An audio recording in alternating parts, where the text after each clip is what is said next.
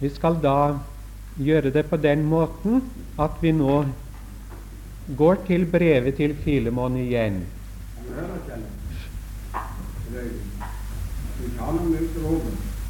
Nei, det er ikke farlig med det. De trenger å hvile. Nei, så, så kommer vi ned, så spiser de fort, og tygger stort, da er det snart gjort.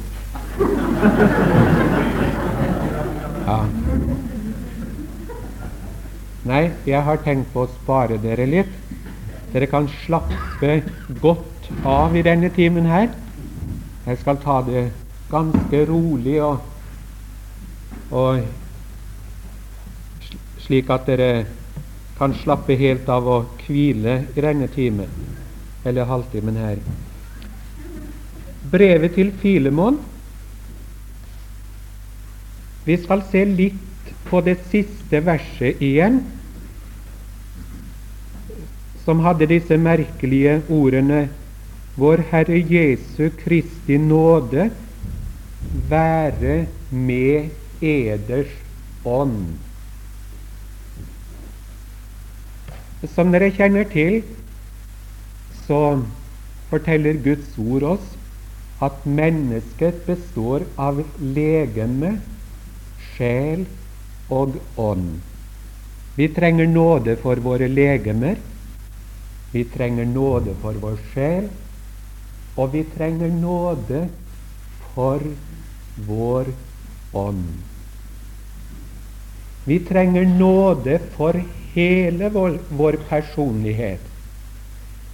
Men når apostelen her avslutter dette brevet og så ikke nevner legeme, ikke nevner sjel, men slutter med denne hilsen. Vår Herre Jesu Kristi nåde være med eders ånd, så skjønner vi at det er fordi at Ånden, det er det aller helligste i vår personlighet slik som tabernaklet var inndelt i tre. Forgården, det hellige og det aller helligste. Slik er det også i vår personlighet. Vi har legeme, forgården. Vi har sjelen, det hellige. Og vi har et aller helligste. Det er menneskets ånd. Og som jeg nevnte, er det ikke her spørsmål om Den hellige ånd, men det er eders ånd. Det skal vi merke oss. Og dere fikk også et par bibelsteder der det samme uttrykket sto om at vår Herre Jesu Kristi nåde måtte være med vår ånd. Men for dere som ønsker å få litt stoff til å arbeide videre med dette ord, så vil jeg gjerne at dere også nå, f.eks. direkte i Bibelen, noterer dere under vers 25 en henvisning til første Korintierbrevs annet kapittel og ellevte vers. Og med det samme, før vi slår opp, Ordspråkernes bok, ORD, 20. kapittel, 27. vers. Og så skal vi slå opp første Korintierbrevs annet kapittel, 11. vers.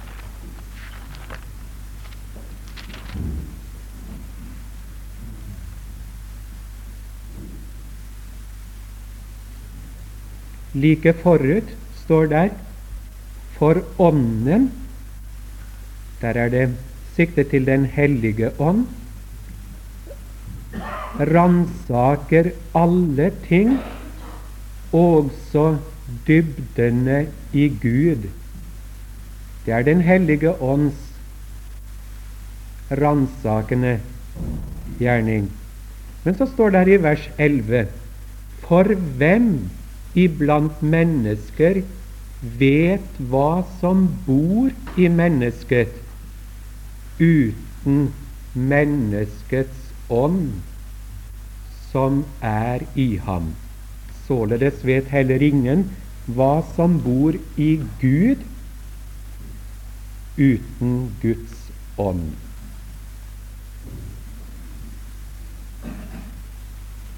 Kanskje du forstår mer betydningen også nå av Den hellige ånds gjerning. Men vi skal jo se da videre på Ordspråkenes bok med det samme, som forklarer hvordan menneskets ånd kjenner til det som bor i mennesket. Ordspråkenes bok, 20. kapittel og 27. vers, som dere noterte. Vil du, Haaland, var ikke så du het? Ja. Lese det, ja. Menneskets ånd er en Herrens lampe. Den ransaker alle lønnkamre i hans inne. ja. Menneskets ånd er en Herrens lampe. Den ransaker alle lønnkamrene i hans indre.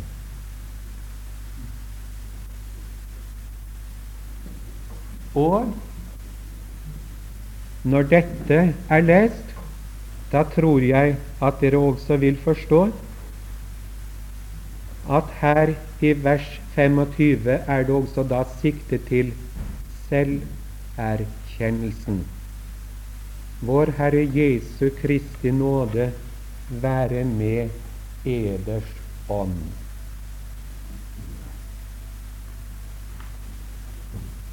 Nå skal ikke jeg preke over dette ordet, for det, det er en annen sak. Jeg har bare nå satt dere på glid, så dere har stoffet til å arbeide med.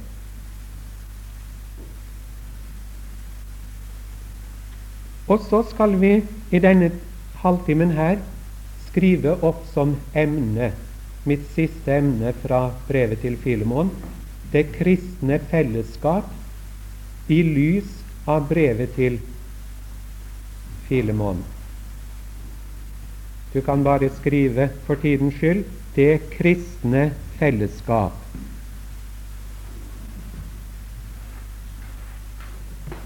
Når jeg har lest Bibelen, så har jeg hatt det aller største utbytte av når jeg er blitt godt kjent med et skrift eller et kapittel i en bok, og lese det igjennom i ro og mak, og, og da stanse for likeartede uttrykk eller beslektede uttrykk som kommer igjen og igjen. Og det er denne metode vi skal benytte oss av i denne lille halvtimen. Det kristne fellesskap i lys av brevet til Filemon.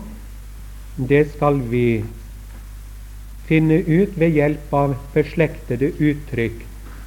Uttrykkene medbroder, medarbeider, medstrider og medfange. Dere noterer da det første uttrykket, medbroder, som jeg nevnte. Vi starter med det. Henvisning til vers 17. Altså ikke bare broder, men med forstavelsen med medbroder. Vers 17. Så sant du derfor akter meg for din medbroder, så ta imot ham som meg selv. Grunntekstens ord der, det er ikke et sammensatt ord. Koinonos. Det betyr en som deler vilkår med deg, Lightfoot han oversetter det med kamerat, inderlig venn, en fortrolig venn. Og så sier han de er koinonoi, som har felles interesser, følelser og gjerning. La så det være. Vi skal heller nå slå opp noen steder der det samme uttrykket forekommer, nemlig uttrykket 'medbroder'. Først noterer dere bibelstedene, så skal vi slå opp. Noter Salme 45, 8. Salme 45, 8. I parentes kan du da skrive også Hebrebrevet 1, 9. Hebrebrevet 1, 9. Og deretter skriver du Esekiel E-S-E-K Esek 37 19. vers. Så skal vi nå slå opp Salme 45, 8.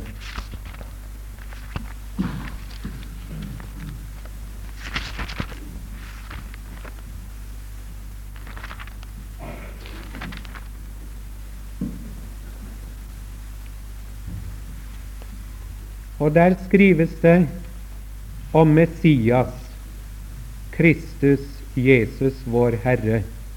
Det ser vi gjentatt nemlig i Hebreerbrevet 1,9 om Kristus. Du elsker rettferd og hater ugudelighet. Derfor har Gud, din Gud, salvet deg med gledens olje fremfor dine medbrødre. Der har vi uttrykket 'medbrødre' igjen. Kristus står ikke alene som bror. Han har medbrødre. Han er salvet, men han er salvet fremfor sine medbrødre. Det vil si, de er også salvet, men han er salvet fremfor dem. Han er den ypperste.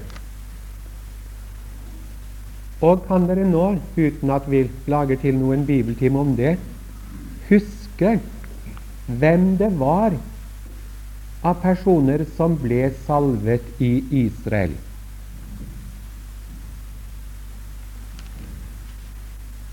Til en bestemt gjerning.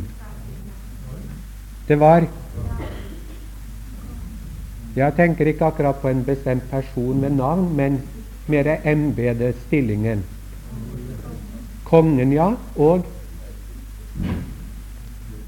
prestene. Vel,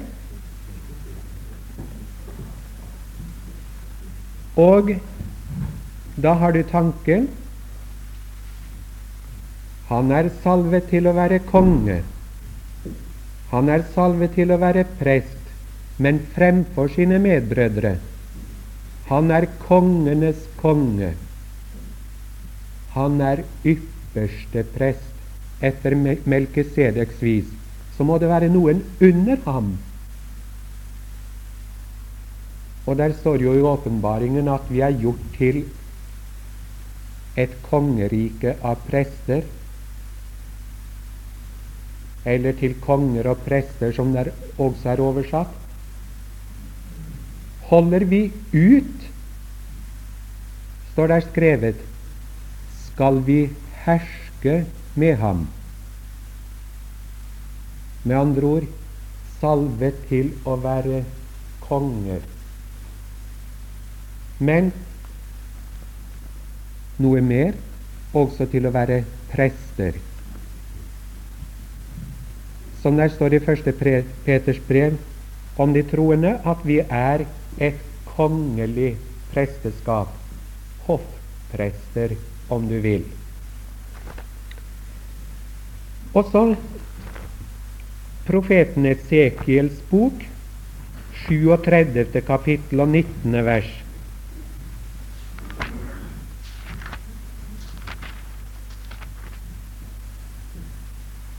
Der finner du uttrykket 'medbrødre'. Men jeg synes det er så fint og interessant det avsnittet som står der ifra vers 15, som, som handler om Israel, at vi leser det. Det kan også gi oss et bilde. Fra vers 15 hos profeten Esekiel. Og Herrens ord kom til meg, og det lød så. Og du menneskesønn, ta deg en stav og skriv på den. For Juda og for Israels barn, hans medbrødre. Og ta deg en annen stav og skriv på den for Josef, en stav for Efraim og hele Israels hus, hans medbrødre. Og sett dem sammen, den ene til den andre, til én stav, så de blir til ett i din hånd. Og når ditt folks barn sier til deg vil du ikke la oss få vite hva du mener med dette, med denne symbolske handling? Da skal du si til dem, så sier Herren Israels Gud, se, jeg tar Josefs stav, som er i Efraims hånd, og Israel stammer hans medbrødre, og jeg legger dem til Judas stav, og gjør dem til én stav, så de blir til ett i min hånd. Og de staver som du skriver på, skal du holde i din hånd for deres øyne. Og så kommer da profetien om hvordan da Israels barn ikke lenger skal være to folk, og ikke mere dele seg i to riker, men de skal være ett folk, gjort til ett. Og dette vil jeg da også overføre på oss som er medbrødre, som hører til det hellige broderskap i dag. Vi er delt og oppstykket på, på så mange måter, men det er godt å vite at det kommer den dag da det skal være én jord og én hyrde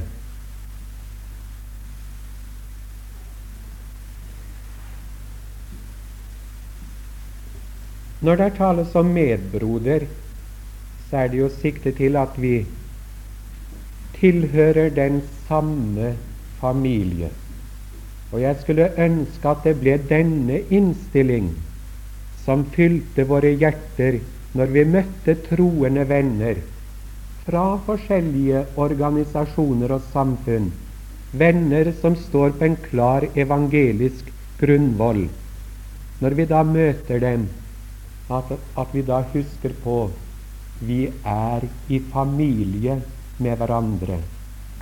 Vi er medbrødre. Vi har den samme arv, og vi har de samme interessene. Vi har et beslektet ord i Lukasevangeliets femte kapittel og sjuende vers. Der finner du ordet lagsbrødre. Og vi skal se på det, for det er lærerikt når det gjelder forholdet til troende venner som er i et annet arbeidslag, eller rettere sagt i en annen båt. Lukasevangeliets femte kapittel og sjuende vers.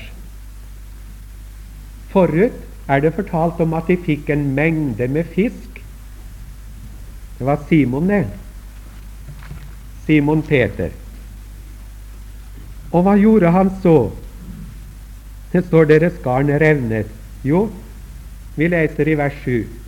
Og de vinket til sine lagsbrødre i den andre båt, at de skulle komme og ta i med dem.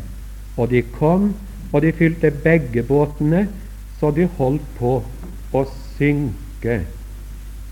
Ja, her var det ikke bare om å gjøre å beholde fisken for seg, men det var for å berge fangsten og vinke på sin lagsbror.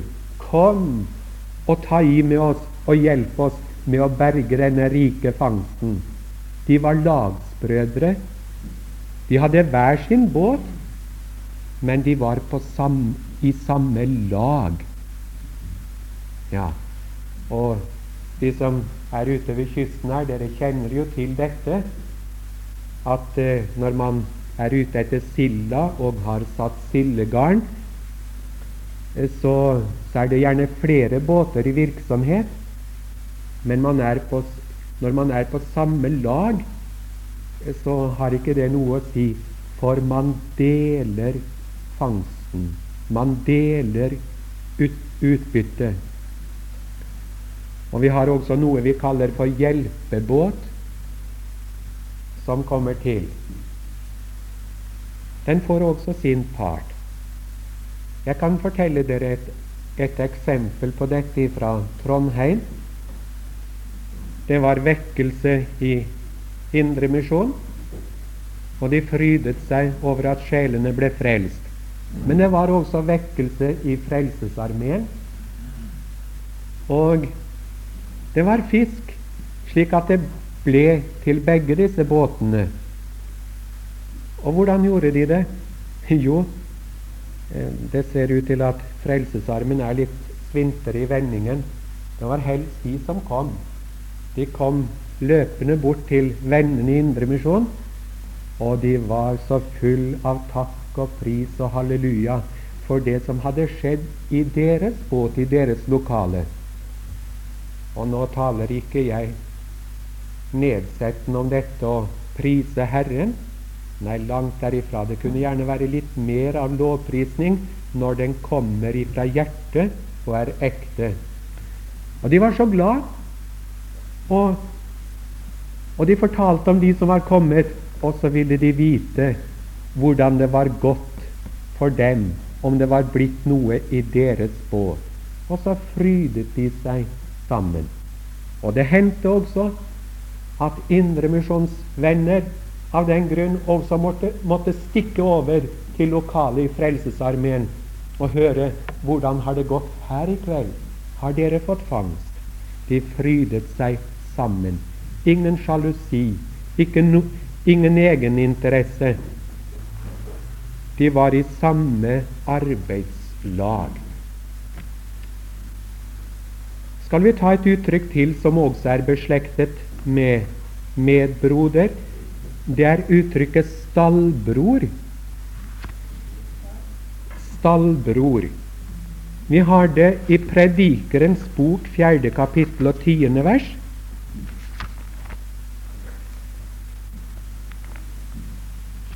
Ja, det er et gammelt uttrykk. Brukes svært lite i dag. Og Jeg er ingen filolog, så jeg kan ikke forklare den filologiske betydning. Jeg har ikke slått opp i etymologisk ordbok. Men vi går rett til Guds ord. Predikernes bok, fjerde kapittel og tiende vers. Niende og tiende kan vi lese. Der står 'bedre å være to enn én', for de har god lønn for sitt strev. Om de faller, kan den ene reise sin stallbror opp, men stakkars den som er alene. For faller han, har han ingen til å reise seg opp. Ser dere hva det er å være en medbroder? Hva det er å være en lagsbroder? Hva det er å være en stallbror? Det er dette at man hjelper en som har falt. Stakkars den som er alene, sto der. Men det er det gode. Vi er ikke alene når vi er frelst. Vi har de hellige samfunn. Og når en da har falt, som vi leste, hva skal vi da gjøre? Skal vi dytte ham mer ned i sølen? Nei, vi skal hjelpe ham opp igjen. Det er vår oppgave. For kjærligheten også skjuler en mangfoldighet av synder. Handler vi slik? Handler vi på åndelig vis? Nei, jeg, jeg er redd for at her står vi langt tilbake. Men jeg holder mønsteret, mønsterbildet fram for deg, som jeg gjør det for meg. Og så får vi, får vi strekke oss etter dette og være hverandre til hjelp på veien. Det var litt om å være medbroder. Ikke bare en broder, men en medbroder. En som har sans for fellesskapet. At vi trenger hverandre, og at vi skal stå hverandre bi. Så ser vi på et annet beslektet uttrykk for det kristne fellesskap. Uttrykket 'medarbeider' i vers 1 og vers 24. Der finner du de uttrykkene. En medarbeider Det ligger jo i selve navnet. Det er ikke bare en arbeider, Han står ikke alene i sitt arbeid, men han arbeider i fellesskap med andre. Han er medarbeider.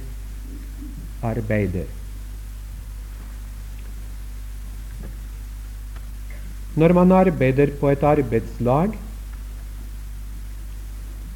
så må man arbeide i takt, om en skal si det slik, slik at man ikke blir til hindring for hverandre.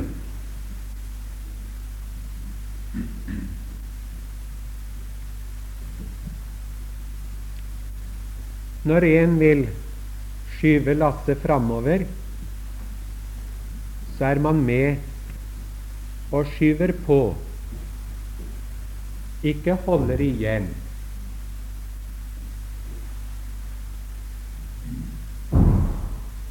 Og det er godt når man kan være medarbeidere på den måten at man kjenner det,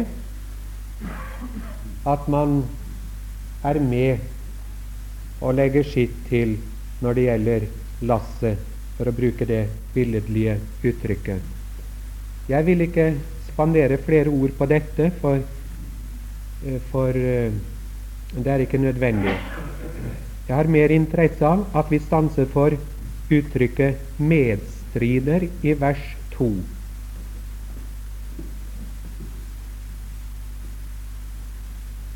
Vi står også i samme strid.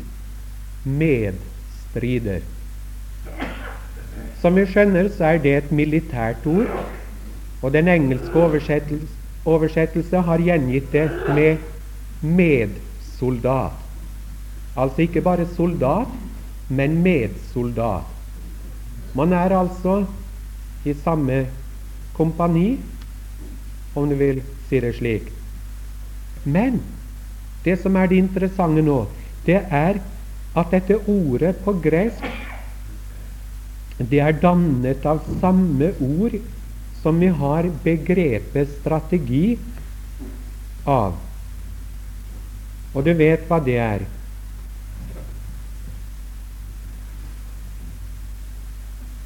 Strategi. Det vil si at man kjemper etter en høyere ledelse, planmessig, ikke etter eget forgodtbefinnende. Du kan notere deg det. En kjemper etter en høyere ledelse planmessig, ikke etter eget forgodtbefinnende.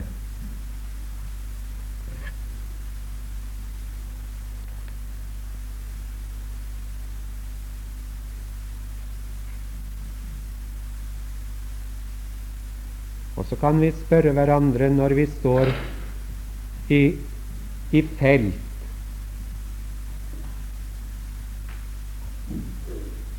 i troens gode strid. Husker vi på dette at vi skal arbeide etter høyere ledelse? At fyrsten over Herrens hær, som åpenbarte seg for Josva, med dragets sverd i sin hånd og sa, 'Nå er jeg kommet', at han får lede oss. Da skal vi få oppleve at Jerikos murer, de skal falle. For det var han som ga direktivene for hvordan vi skulle innta Jeriko. Og i dag, når vi skal vinne verdens barn for Gud, så, så blir det ja, satt i sving svært mye som jeg tror ikke har noe med ledelse ovenfra å gjøre. Det er tatt i bruk menneskelige metoder, og man holder mye mer kjød for arm enn folk flest er klar over.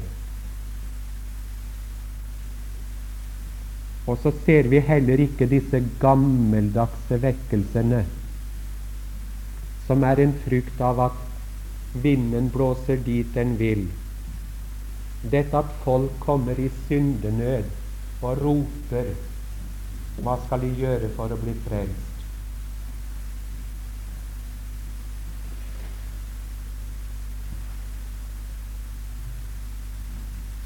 En høyere ledelse og hvor jeg tror at de kom mer ned på kne når det gjaldt å stride. Det tales jo flere ganger i brevene også om venner som strider for meg, sier Paulus, i sine bønner. Og det er en side som er glemt av mange. Dette med å be, det er bare å kneppe hendene igjen, og så sammen og så, og så be. Men det er så mange sider ved bønnelivet. Han talte om en som stred for ham i sine bønner. En høyere ledelse, planmessig Ja, planen for en hellig strid har vi i Guds ord. Der er linjene trukket opp. Ikke etter eget forgodtbefinnende. La oss huske på det. Hvorfor er det strid mellom brødre? Jo, det er fordi at man glemmer vi er medkjempere, med medstridere, medsoldater. Så kan det gå med oss som på de skarpe eggers mark. Ikke sant? Du husker det, Gustav Nilsen? Om de skarpe eggers mark i Det gamle testamentet, hvor de grep hverandre i håret og kjempet omtrent som på holmgang her i landet vårt. Bror mot bror. Husker du den striden? denne stridsleken imellom Nordriket i Israel og Sørriket. Og så kalte de stedet hvor de mange brødrene De var jo av samme folk. Der hvor de falt, disse unge, flinkeste stridsmennene fordi at de ville ha en stridslek. De kalte denne marken for de skarpe eggers mark. Og er det ikke det rundt omkring oss mange steder nå? Bror har kjempet imot bror. Når skal det bli slutt på det? Jeg kan bare klage og bare spørre, som salmisten for dem. Herre, hvor lenge?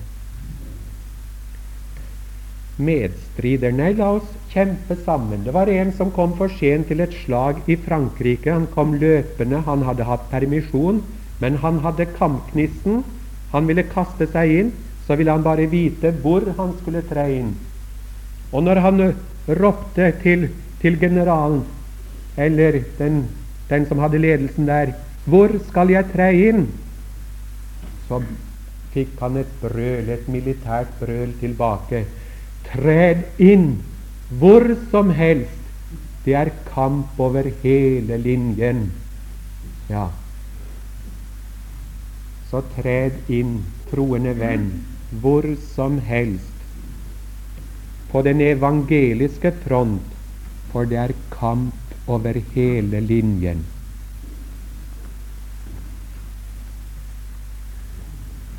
Så har vi medfange. Det er det fjerde uttrykket i vers 23.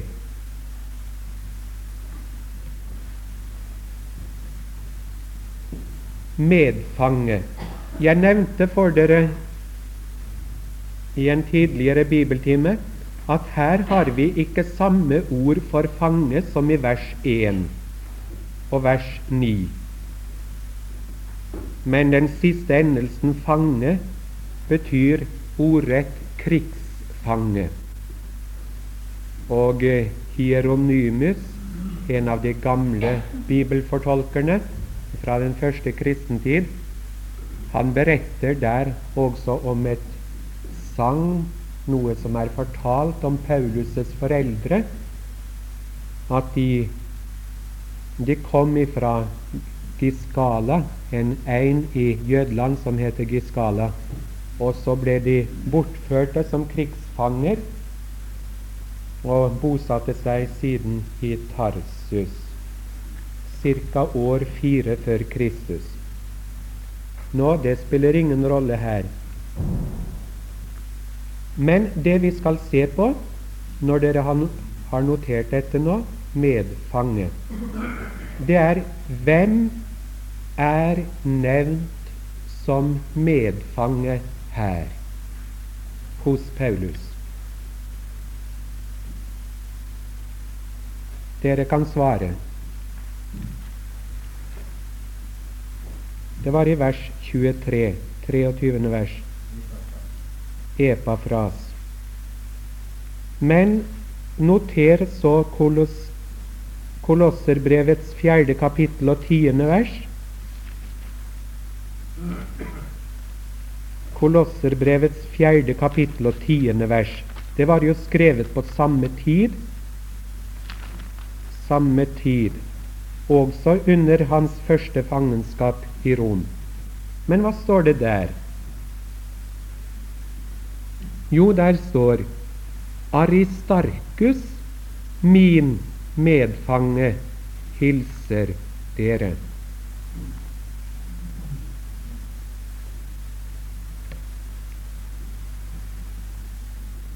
Legg merke til det. Der er det en annen som er nevnt. Epafras han var jo kommet som en tilreisende til Rom, husker vi, med meldinger ifra, ifra Kolosseum. Og når han nå er kommet fram, så ser det ut til at han helt frivillig har tilbudt å avløse den forrige mannen som var som hadde sittet der frivillig som Paulus' medfange. Og så har han da frivillig blitt fange sammen med Paulus for å være til hans selskap og til hans tjeneste.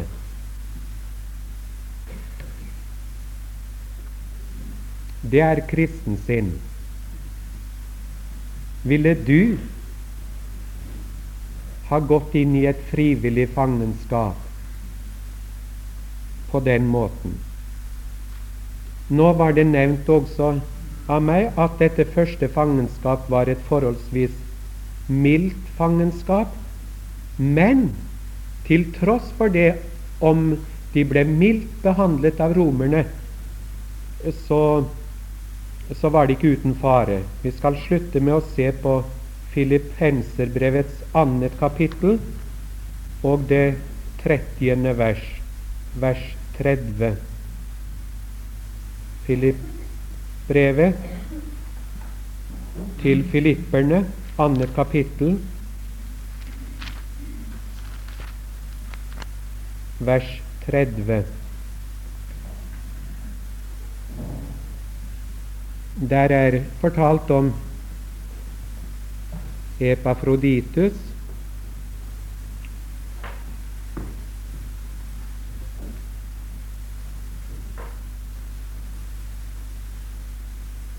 som bibelfortolkerne ber oss om å adskille fra Epafras, at det var to forskjellige personer. Og det er nok riktig. Der står om ham det var for Kristi gjernings skyld han kom døden nær, da han våget sitt liv. Strek under de ordene 'våget sitt liv' for å utfylle savnet av dere i tjenesten mot meg. Hvor kom faren ifra? Jo, ifra jødene, som jo ville også rydde Paulus av veien dere husker i Jerusalem og hvordan i, i nattens mulm og mørke måtte ri av gårde med ham under en meget sterk militær eskorte. Så kom han fram til Kesarea. ble berget på den måten fra å bli snikmyrdet. Men de jødiske snikmyrdere, de var på ferde. Og jeg antar at når Epafroditus også kom døden nær, da han våget livet sitt i tjenesten for Paulus under hans fangenskap, så var det fordi at enhver som, som tok selskap med Paulus, de risikerte dermed også sitt eget liv slik var de lagt for hat. På denne måten har jeg da fått gått igjennom det lille brevet med det store innhold, og jeg håper at undertittelen som vi brukte